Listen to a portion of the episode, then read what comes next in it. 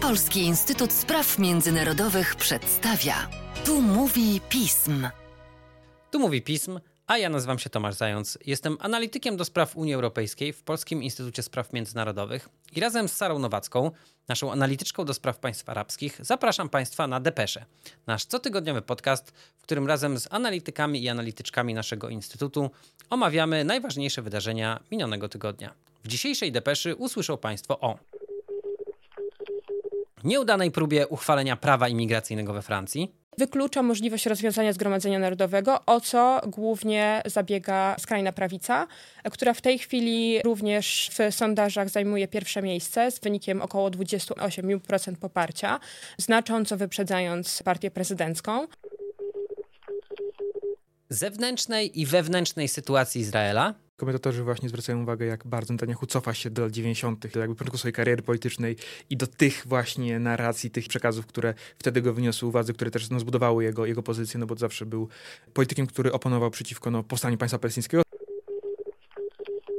Oraz o zakończonym właśnie szczycie klimatycznym w Dubaju te zmiany, które są obecnie przewidywane, wskazują, że jeśli będziemy dalej robić to, co robimy, a robimy, zdaniem niektórych, już dość dużo, to do 2100 roku nasz klimat ociepli się na poziomie między 2,4 i 2,8 stopnia. Depesza Pism. Pierwsza rozmowa będzie dotyczyć francuskiej ustawy o imigracji, o której opowie Amanda Dziobińska. Cześć Amando. Cześć Saro. Nie jest to żadna tajemnica, że imigracja to bardzo duży temat we Francji. Wyczytałam gdzieś, że średnio co dwa lata Francja wprowadza jakieś nowe regulacje dotyczące migracji. Tym razem rząd pracował nad ustawą o rok i finalnie najpierw poprawki swoje wprowadził Senat, później komisja parlamentarna, a w końcu, kiedy ona trafiła pod obrady, to w zasadzie od razu złożono wniosek o jej odrzucenie, który został przyjęty. Mówi się, że to w ogóle jest jakieś ryzyko dla stabilności rządu, że grozi złożeniem wotum nieufności, a nawet rozwiązaniem parlamentu. Czy możesz nam powiedzieć, co takiego było w tej ustawie, że politycy byli w stanie zaryzykować stabilność władz, stabilność polityczną, żeby ją tak szybko odrzucić?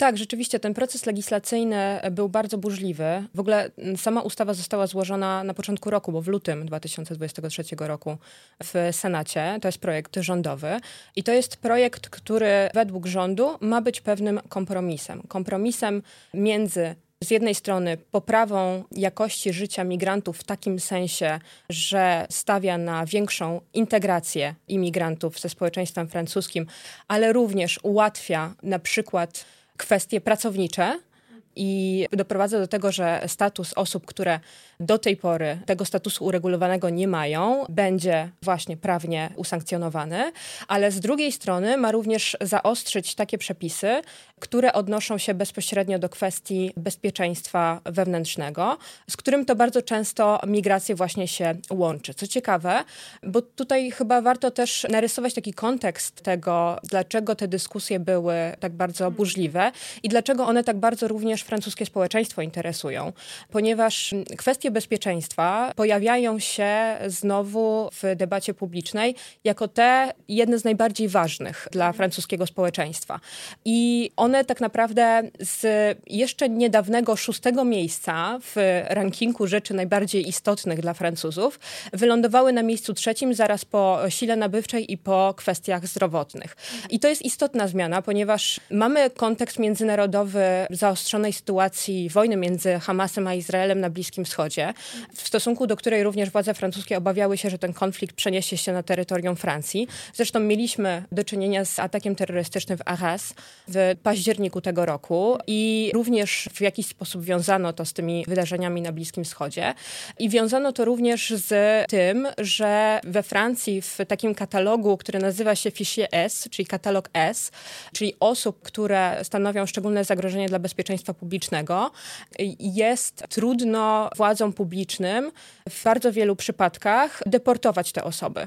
I to również był przypadek tego ataku, w którym to sprawca widniał w tych kartotekach. On był znany służbą, ale jednak prawo nie pozwalało na to, żeby go wydalić z terytorium Francji. No i właśnie, i te dyskusje w Senacie, później w Zgromadzeniu Narodowym były bardzo burzliwe, ponieważ z jednej strony prawica republikańska republikańska uznawała te regulacje zaproponowane przez rząd za nieskuteczne, za zbyt łagodne, które tak naprawdę no, nie przełożą się na kwestie poprawy bezpieczeństwa oraz na takie kwestie społeczne związane ze świadczeniami socjalnymi dla tych imigrantów. To może jeszcze za chwilę rozwiniemy, o co dokładnie chodzi. Natomiast lewica, wśród której właśnie Zieloni złożyli wniosek o wcześniejsze odrzucenie projektu w Zgromadzeniu Narodowym, stwierdziła, że projekt jest wręcz za bardzo restrykcyjny, narusza prawa człowieka, stygmatyzuje imigrantów, łączy imigrantów bezpośrednio właśnie z kwestiami bezpieczeństwa i w tej wersji senackiej, czyli w wersji zaostrzonej projektu, tak naprawdę jeszcze w bardziej restrykcyjny sposób podchodzi właśnie do tych świadczeń socjalnych,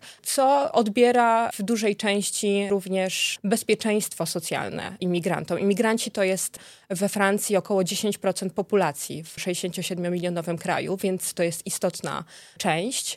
No ale właśnie ten projekt, który wyszedł z Senatu e, i został przekazany do Komisji Prawnej Zgromadzenia Narodowego, został jeszcze bardziej restrykcyjnie potraktowany, właśnie dlatego, że w Senacie większość senatorów to są e, senatorowie Partii Republikańskiej, którzy właśnie optowali za zaostrzeniem przepisów. A powiedz mi, czy jeżeli wzrosło to znaczenie bezpieczeństwa dla francuskiej opinii publicznej, czy to znaczy, że Francuzi też oczekiwali bardziej restrykcyjnej ustawy, czy jednak przeważa też ta perspektywa, że no, wszędzie w Europie potrzebujemy migrantów do pracy, zwłaszcza w sektorach, w których no, większość Europejczyków już nie chce pracować.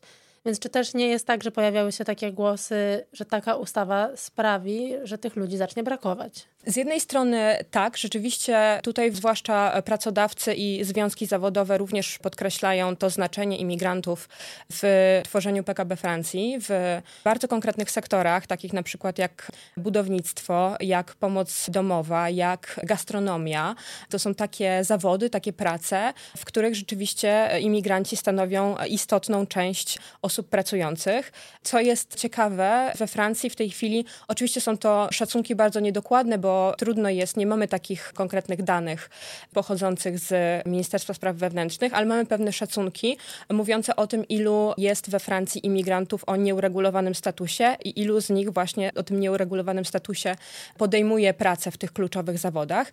I jeżeli sobie spojrzymy na szacunki i CGT, czyli jednego z głównych związków zawodowych we Francji i właśnie Ministerstwa Spraw Wewnętrznych, które opiera się na danych z państwowej pomocy pomocy medycznej, z której korzystają imigranci, to te liczby wahają się między 600 tysięcy a 900 tysięcy osób, które mają nieuregulowany status. Wśród nich dużo osób podejmuje pracę. Jest to znacząca, znacząca część. Więc jest to fundamentalna również kwestia, która w tejże ustawie imigracyjnej się znalazła jako jeden właśnie z takich istotnych punktów do uregulowania. Mogę od razu powiedzieć, czego dokładnie dotyczą te przepisy i w jaki sposób rząd sobie wyobrażał, że te przepisy sprawią, że ta sytuacja zostanie uregulowana i jak z kolei Senat wyobrażał sobie treść tych przepisów. I projekt rządowy zakładał w tej właśnie pierwszej wersji, prowadzenie rocznego zezwolenia na pobyt dla pracowników w sektorach, które znajdują się pod tak zwaną presją niedoboru pracowników. Czyli tych sektorach, w których, tak jak powiedziałaś, brakuje rąk do pracy i w których imigranci stanowią główną grupę, która tej pracy się podejmuje.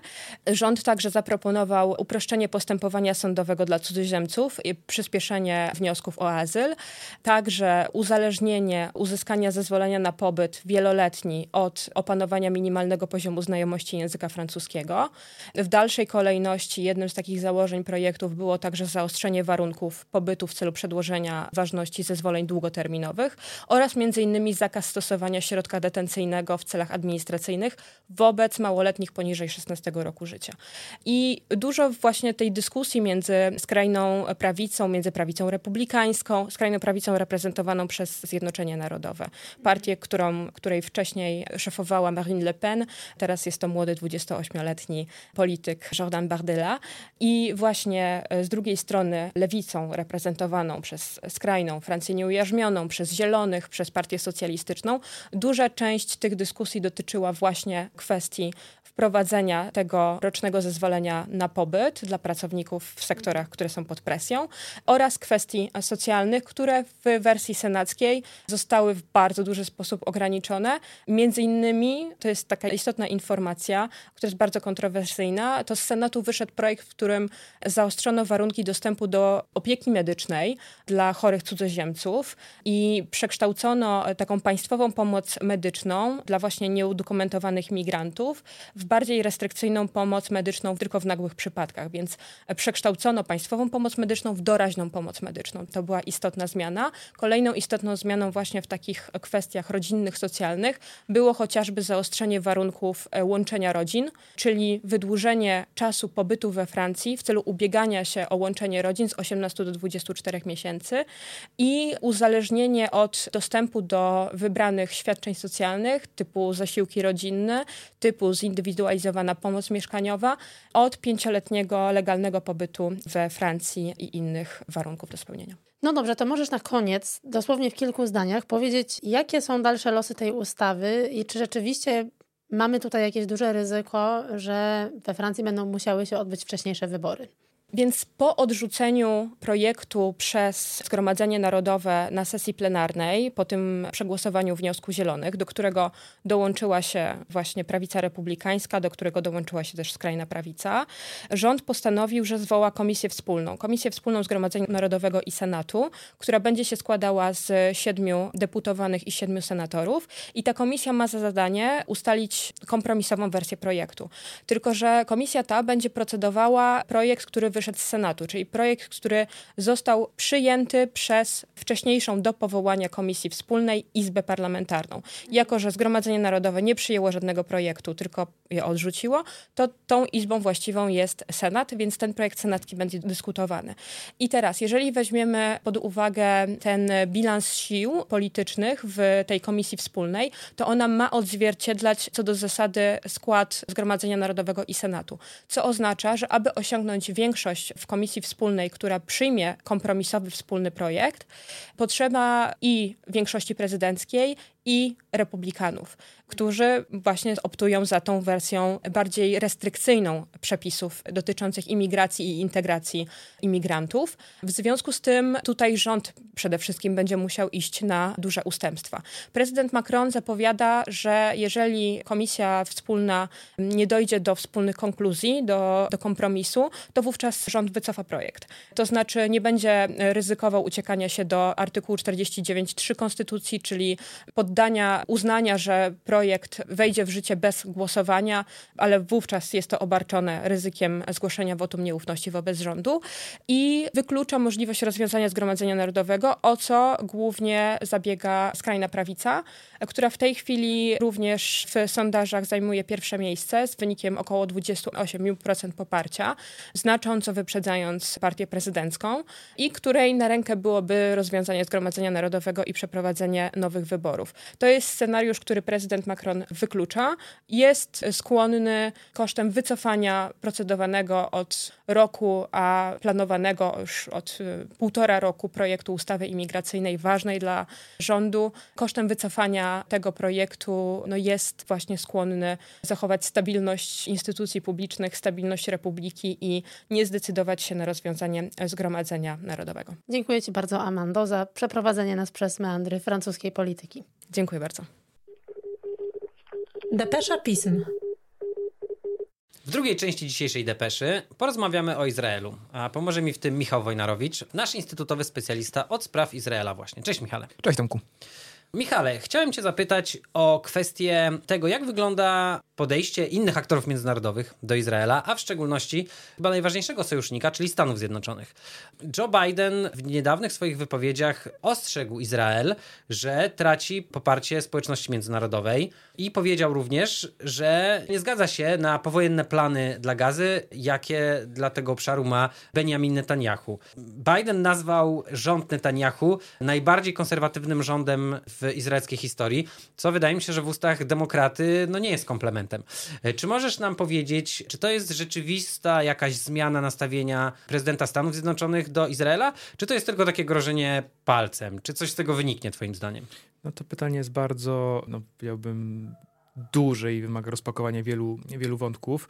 Zacznijmy od tego, że tak naprawdę to wciąż jest jakiś spektrum jednak amerykańskiej polityki i administracji demokratycznej wobec Izraela, więc jakby nawet te słowa Bidena, one jakoś się mimo wszystko nie są aż takim nowum, niemniej faktycznie widać, że tak jak zmienia się sytuacja na, w konflikcie izraelsko-palestyńskim, sytuacja w strefie gazy, tak również trochę już to podejście amerykańskie siłą rzeczy ewoluuje, tak? I to te wypowiedzi, to przemówienie, o którym Tomku wspomniałeś, ono jest faktycznie napakowane wieloma elementami, bo z jednej strony mamy głośne i bardzo wyraźne no, podtrzymanie wsparcia dla Izraela, tak, to Biden wielokrotnie w tym swoim przemówieniu podkreślił. Jednocześnie jest no, bardzo wiele sygnałów właśnie takich, no, można powiedzieć, no, bardzo głęboko ingerujących, czy wskazujących na korekty w polityce wewnętrznej, w polityce gabinetowej wręcz nawet, bo tutaj tym chłopcem do bicia są ci radykalni współkoalicjanci Netanyahu, tak, minister Ben Gvir, chociaż został parę razy wymieniony z imienia i nazwiska przez Bidena, więc jakby jasno Amerykanie wskazują ten samym kierunek, w którym chcieliby, żeby ta polityka izraelska ewoluowała. Widzą, że Netanyahu jest tutaj no,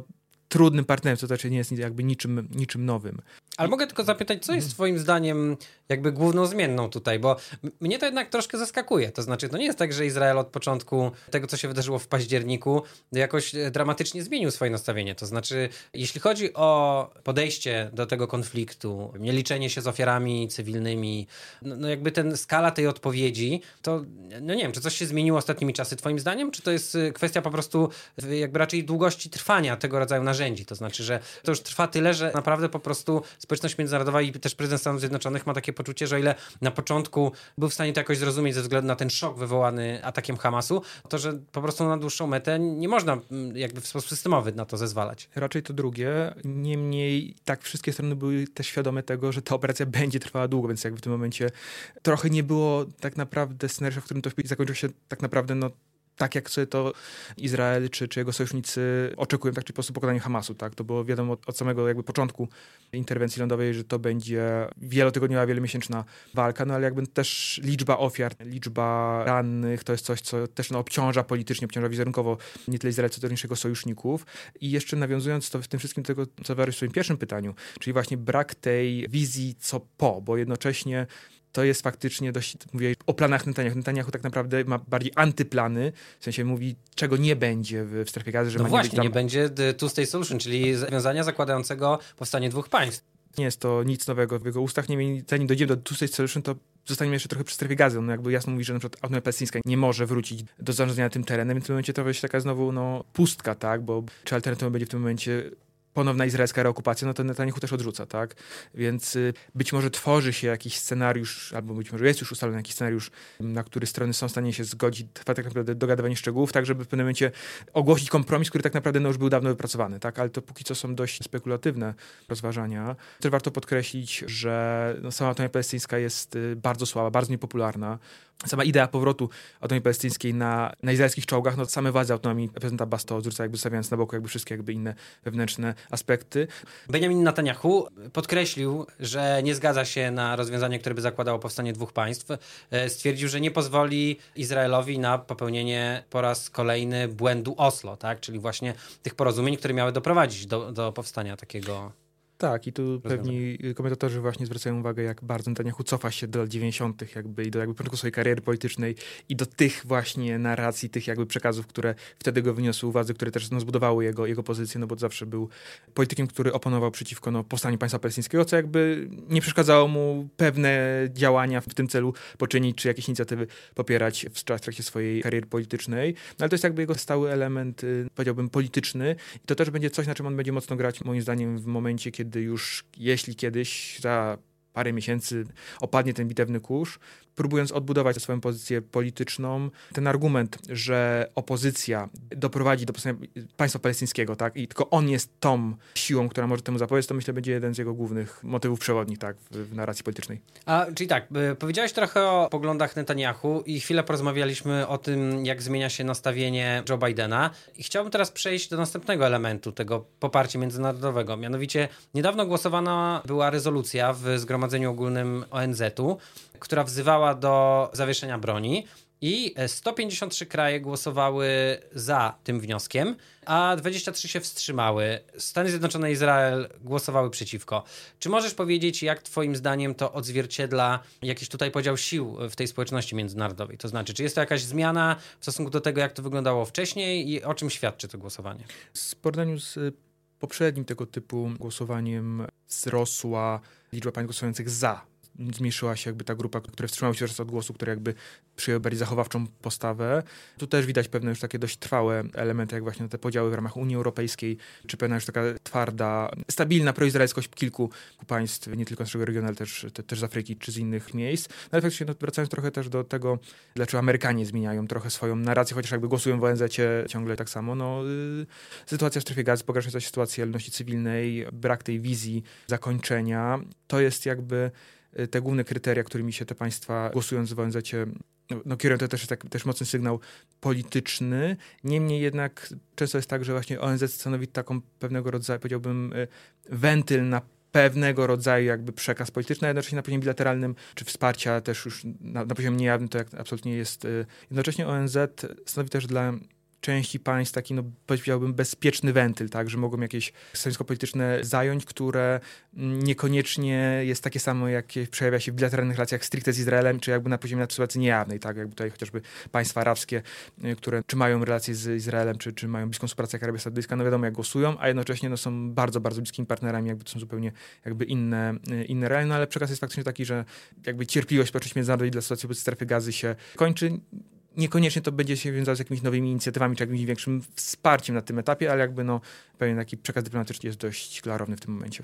To na koniec chciałbym Cię y, zapytać o sytuację wewnętrzną, ponieważ opowiedzieliśmy sobie sporo na temat tego, jak wyglądają te zewnętrzne uwarunkowania Stany Zjednoczone, Organizacja Narodów Zjednoczonych, a jak to wygląda od środka. Pamiętam taką naszą pierwszą rozmowę, którą mieliśmy w ramach Depeszy, na samym początku wybuchu tej fazy tego konfliktu, w której rozmawialiśmy właśnie na temat tego, jak też no, skrajna polityka Netanyahu w jakimś sensie napędza też poparcie dla Hamasu. Tak? I oczywiście w żaden sposób nie chciałbym, żeby to było czytane jako jakieś usprawiedliwienie, natomiast wyszły teraz sondaże Palestinian Center for Policy and Survey Research, e, które pokazują wzrost tego poparcia dla Hamasu po tej odpowiedzi Netanyahu. Czy możesz nam chwilę opowiedzieć o tych sondażach i co z nich wynika?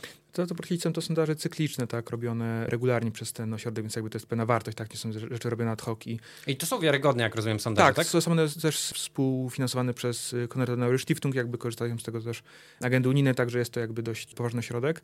I to jest faktycznie tak naprawdę to, to jest dość niepokojące, tak, i co też będzie argumentem dla strony izraelskiej, to jak duże poparcie dla ataku 7 października uzyskał Hamas, chociażby na zachodnim brzegu, tak, to są y, dominująca wierzyć bodajże ponad 80%. Y, warto zaznaczyć, że te badania są przeprowadzone zarówno w strefie gazy, jak i, jak i na zachodnim brzegu, więc to daje szeroki obraz. No i nie ma co ukrywać, to poparcie jest dużo większe na, na zachodnim brzegu. To nie ci palestyńczycy czuwają tą spodziewaną ze strony Hamasu tak reakcję, reakcję Izraela, no ale to, to faktycznie będzie, tak jak wspomniałem wcześniej, dość mocnym argumentem dla izraelskich polityków, żeby no, odrzucać dalsze jakieś warianty rozmów z Palestyńczykami, no bo faktycznie tu łatwo powiedzieć, że no, poparcie dla takich działań, jak dla operacji terrorystycznej 7 października jest tak wysokie, że Hamas spokojnie wygrałby wybory, gdyby one zostały przeprowadzone w autonomii palestyńskiej. E, Ale czy jeżeli mogę cię tylko dopytać, bo ja to oczywiście rozumiem, tak, że to jest w jakiejś mierze przerażające, że jest tak duże poparcie dla organizacji terrorystycznej w tych miejscach, ale czy z tym nie wiąże się jakaś taka też refleksja, że skala tej odpowiedzi, brutalność ze strony Izraela, że to jest to błędne koło, tak, o którym żeśmy rozmawiali, że jakby ta super brutalna odpowiedź Izraela sprawia, że to poparcie dla Hamasu, przynajmniej tak to interpretuję, no może się mylę, tak, też rośnie z tego powodu. Czy nie ma takiej refleksji po stronie izraelskiej? Bardziej bym wskazał jednak to, że takie poczucie beznadziei, tak, które właśnie w społeczeństwie palestyńskim było, było powszechne przed tym atakiem, jakby to, że poparcie właśnie dla ścieżki zbrojnej, dla, dla działań terrorystycznych w tym widziano właśnie szansę na przełamanie tego impasu i zmuszenie Izraela do jakichś ustępstw. A i owszem, izraelska odpowiedź, no pewne rzeczy, też się rzeczy, no, przyczynia się do radykalizacji nastrojów. Przy czym no, to, to i tak było dość spodziewane i jakby tutaj Izrael zawsze będzie tym, tym złym dla Palestyńczyków i dopóki jakby faktycznie nie ma jakiejś jasnej wizji, takiej no właśnie jasnej, tak, jakiejś ładunku właśnie nadziei, no to faktycznie tutaj myślę, że jakiekolwiek no, zmiany na poziomie społecznym raczej szybko, szybko nie zobaczymy. Bardzo Ci dziękuję za rozmowę, Michale. Dziękuję. Depesza Pism. Naszej ostatniej rozmowie skoncentrujemy się na zakończonej dwa dni temu konferencji stron w Dubaju. Pomoże mi w tym Tymon Pastucha, nasz analityk do spraw energii. Cześć Tymonie. Cześć, cześć, dzień dobry. Kłócą się komentatorzy, czy COP zakończył się sukcesem, czy kolejną porażką i czy te porozumienia, które zostały ostatecznie uzgodnione, posuwają nas gdzieś do przodu, czy wręcz przeciwnie i tak naprawdę osłabiają w ogóle legitymację konferencji stron jako takiej przez powiedzmy jakiś niejednoznaczny język, niejednoznaczne deklaracje. Najwięcej kontrowersji chyba wzbudza ta deklaracja dotycząca paliw kopalnych, ale zanim do niej przejdziemy, to chciałabym, jakbyś mógł nas przeprowadzić przez to, co zostało nazwane stocktake, tak? czyli podsumowanie stanu realizacji porozumienia paryskiego. Gdzie dzisiaj jesteśmy, jeżeli chodzi o nasze działania związane z zapobieganiem dalszym zmianom klimatu. E, no właśnie, może zacznę od tego w ogóle, czym jest ten Global Stocktake. To jest co 5 lat powinno odbywać się takie podsumowanie, audyt tego, gdzie my jesteśmy w realizacji porozumienia paryskiego. W tym roku odbywało się to po raz pierwszy, po 8 latach, ze względów proceduralnych. To, to przesunięcie nastąpiło. Kolejne będzie już za 2 lata w Brazylii. I można powiedzieć, że ten audyt pokazuje nam, gdzie jesteśmy w stanie realizacji tego porozumienia paryskiego, a to oznacza, że audyt opublikowany w listopadzie i częściowo w październiku i we wrześniu, w sensie on był w kilku partiach publikowany e, przed różnymi ważnymi spotkaniami, wskazuje, że jesteśmy naprawdę na złej ścieżce. W kwestii pogłębiania się kryzysu klimatycznego, te zmiany, które są obecnie przewidywane, wskazują, że jeśli będziemy dalej robić to, co robimy, a robimy, zdaniem niektórych, już dość dużo, to do 2100 roku nasz klimat ociepli się na poziomie między 2,4 i 2,8 stopnia, co jest całkiem sporo, ponieważ obecny cel z porozumienia paryskiego zakłada półtora stopnia do końca tego stulecia. Więc i gdybyśmy spojrzeli w ten raport, faktycznie co tam jest zapisane i te różne ścieżki, które są możliwe do realizacji, że możemy nawet, jak to naukowcy przewidują, że zupełnie odpuścimy sobie dbanie o klimat, będziemy wydobywać bardzo dużo paliw kopalnych, spalać je na potęgę i rozwijać się w sposób no, niezrównoważony, to możemy nawet osiągnąć to ocieplenie klimatu na poziomie pięciu i kilkudziesiątych stopnia Celsjusza, co już jest no, dosłownie katastrofą. Czy możesz na przykład opisać, co by się wtedy stało, powiedzmy z Polską, tak mniej więcej? Wiem dobrze, co się stanie, gdy przekroczymy te 2,5 stopnia, mniej więcej. No to dochodzi do procesów steplowienia kraju. Już przy tym półtora stopnia widzimy problemy z, z lasami. W sensie, że one są coraz bardziej suche, zmniejsza się liczba na przykład świerków, sosen, w ogóle te te gatunki drzew mogą zaniknąć tutaj y, z Polski w najbliższej przyszłości i to w przyszłości 30-40 lat, a nie jak wcześniej w poprzednich okresach ocieplenia klimatycznego naturalnego w czasie epoki lodowcowej to zajmowało dziesiątki czy setki lat, więc ta zmiana będzie naprawdę radykalna. Mówimy tutaj o problemach z rolnictwem, o ogromnej suszy, uderzeniach gorąca i ciepła, które będzie dotykać nas codziennie, w sensie w, sezonie letnim będziemy mieli ogromne upały, których jeszcze nie widzieliśmy, a już sami wiemy, jak ciężko jest mieszkać na ostatnim piętrze w mieszkaniu, gdzie w lipcu zaczyna palić słońce, więc będzie to jeszcze, jeszcze bardziej. Być może ten rok był najchłodniejszym rokiem dotychczas, a będzie tylko gorzej. To zakłada ten poziom 2,5 stopnia. My też dokładnie nie wiemy, tu jest dość dużo zmiennych, jak to w nauce. Różne badania przedstawiają różne wnioski, różne konsekwencje, ale to mogą być takie na przykład informacje dla mieszkańców Gdańska czy Szczecina albo koło brzegu, że te miasta mogą być regularnie zalewane już w najbliższe 20-30 lat, więc zmiany są dość mocno nieciekawe i oddziałują nie tylko na kraje globalnego południa, o których tak myślimy, ale ale również tutaj na Polskę i inne państwa europejskie. W tym kontekście, jak sobie właśnie spojrzymy na deklarację dotyczącą, no właśnie chyba nie odejścia, tylko bardziej odchodzenia od paliw kopalnych, bo tutaj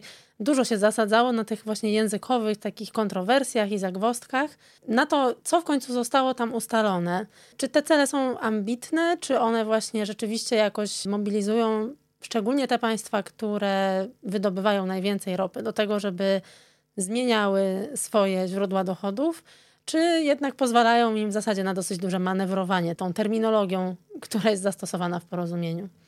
Przede wszystkim trzeba zaznaczyć, że w tej deklaracji końcowej z tego kopu po raz pierwszy pojawiło się w ogóle sformułowanie paliwa kopalne w końcowym tekście. To, to już jest pewnego rodzaju sukcesem albo świadczy o porażce poprzednich kopów.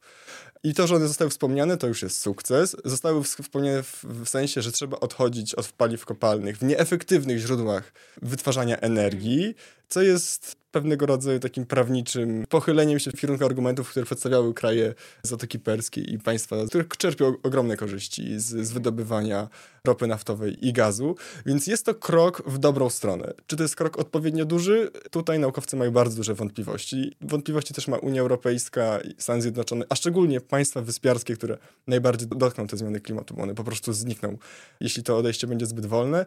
Jak to ocenić? Moim zdaniem jest to krok w dobrym kierunku, ale on jest zbyt mały. Co nie znaczy, że w przyszłym roku albo za dwa lata będziemy oczekiwać jakichś większych postępów w tej materii. Chociaż szczerze mówiąc, ciężko to sobie na ten moment wyobrazić. Tak, Jakieś no rewolucyjne zmiany. Zwłaszcza, że kolejny kop znowu odbywa się w lokalizacji dosyć mocno związanej z produkcją ropy i gazu, bo w Baku, w Azerbejdżanie. Czy możesz powiedzieć, co stoi za takimi decyzjami, że właśnie chętniej wybierane są te państwa, a jeszcze chyba nigdy nie było szczytu klimatycznego w państwie, które jest właśnie tak bardzo szczególnie narażone na przykład zatonięciem przez zmiany klimatu i ocieplenie. Może najpierw przedstawię to, dlaczego Azerbejdżan został wybrany, bo to też jest bardzo ciekawa historia. Było wiadomo, że państwo z Europy Wschodniej musi być gospodarzem kolejnego wydarzenia i była tutaj dyskusja między Mołdawią, Serbią i Bułgarią. Te państwa zgłaszały swoją chęć organizacji tego wydarzenia, ale ostatecznie Rosja przyblokowała wszystkie te możliwości i jedynym krajem ku zaskoczeniu wszystkich chyba został ten Azerbejdżan, ponieważ ponieważ Większość ekspertów zakładało, że Armenia zablokuje dążenia Azerbejdżanu z racji wiadomych ich stosunków i konfliktu między tymi dwoma państwami, ale Azerbejdżan dostał zgodę właśnie od Armenii na organizację tego w ramach poprawy stosunków między tymi dwoma państwami, jakiegoś takiego ocieplenia i to Azerbejdżan, który jest tak naprawdę państwem żyjącym z ropy i gazu, chyba 80 czy 90% ich dochodów z eksportu właśnie pochodzą z wydobycia tych surowców. Jest to o tyle zaskakujące, że to jest kolejne miejsce po Egipcie, teraz Zjednoczonych Emiratach Arabskich i w kolejnym roku będzie Azerbejdżan, a potem jeszcze Brazylia, która również ma stać się państwem członkowskim OPEC+, które wskazuje na to, że państwa wydobywające ropę naftową i gaz y, mocno kontrolują temat.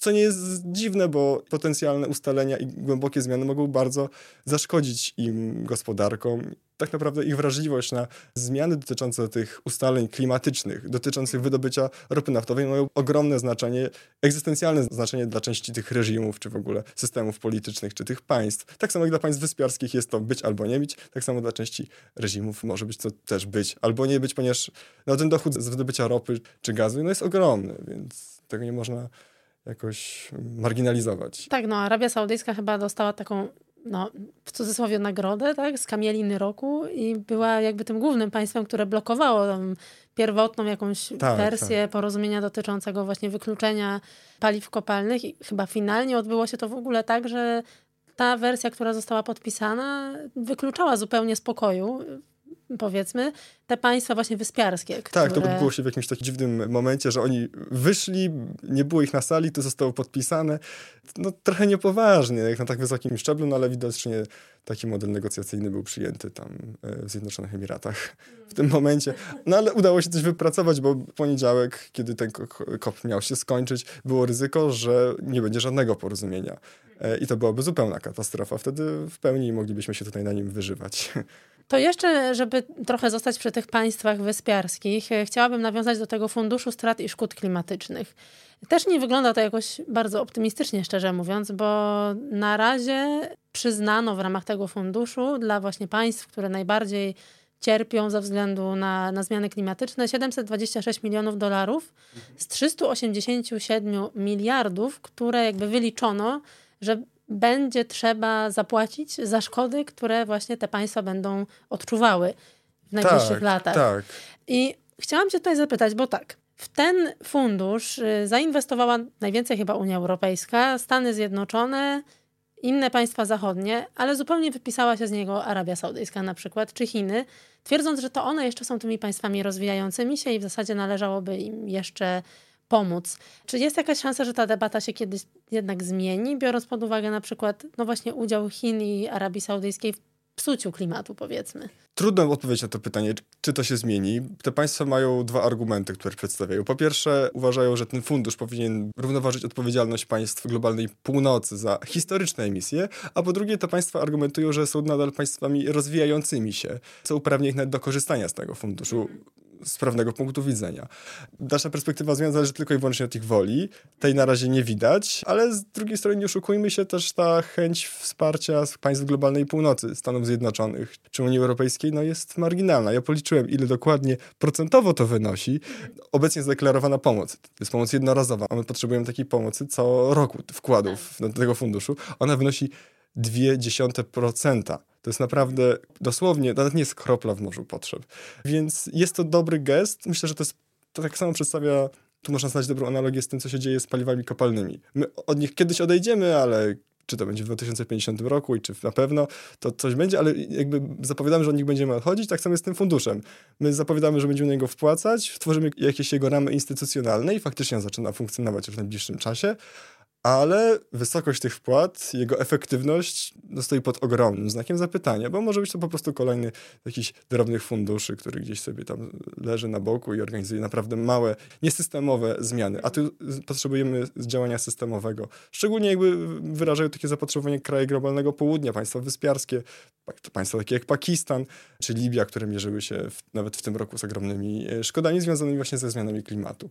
Więc wydaje się, że ten fundusz jest potrzebny, ale model jego finansowania, ta jego dobrowolność jest no, jego największą słabością. Tymonie, bardzo Ci dziękuję za tą rozmowę. Wiem, że pracujesz teraz nad komentarzem dotyczącym, podsumowującym COP28, więc zachęcam Państwa do zaglądania na naszą stronę i przeczytania więcej o tym, co się na kopie wydarzyło. Dzięki bardzo. Dziękuję bardzo. Depesza Pism.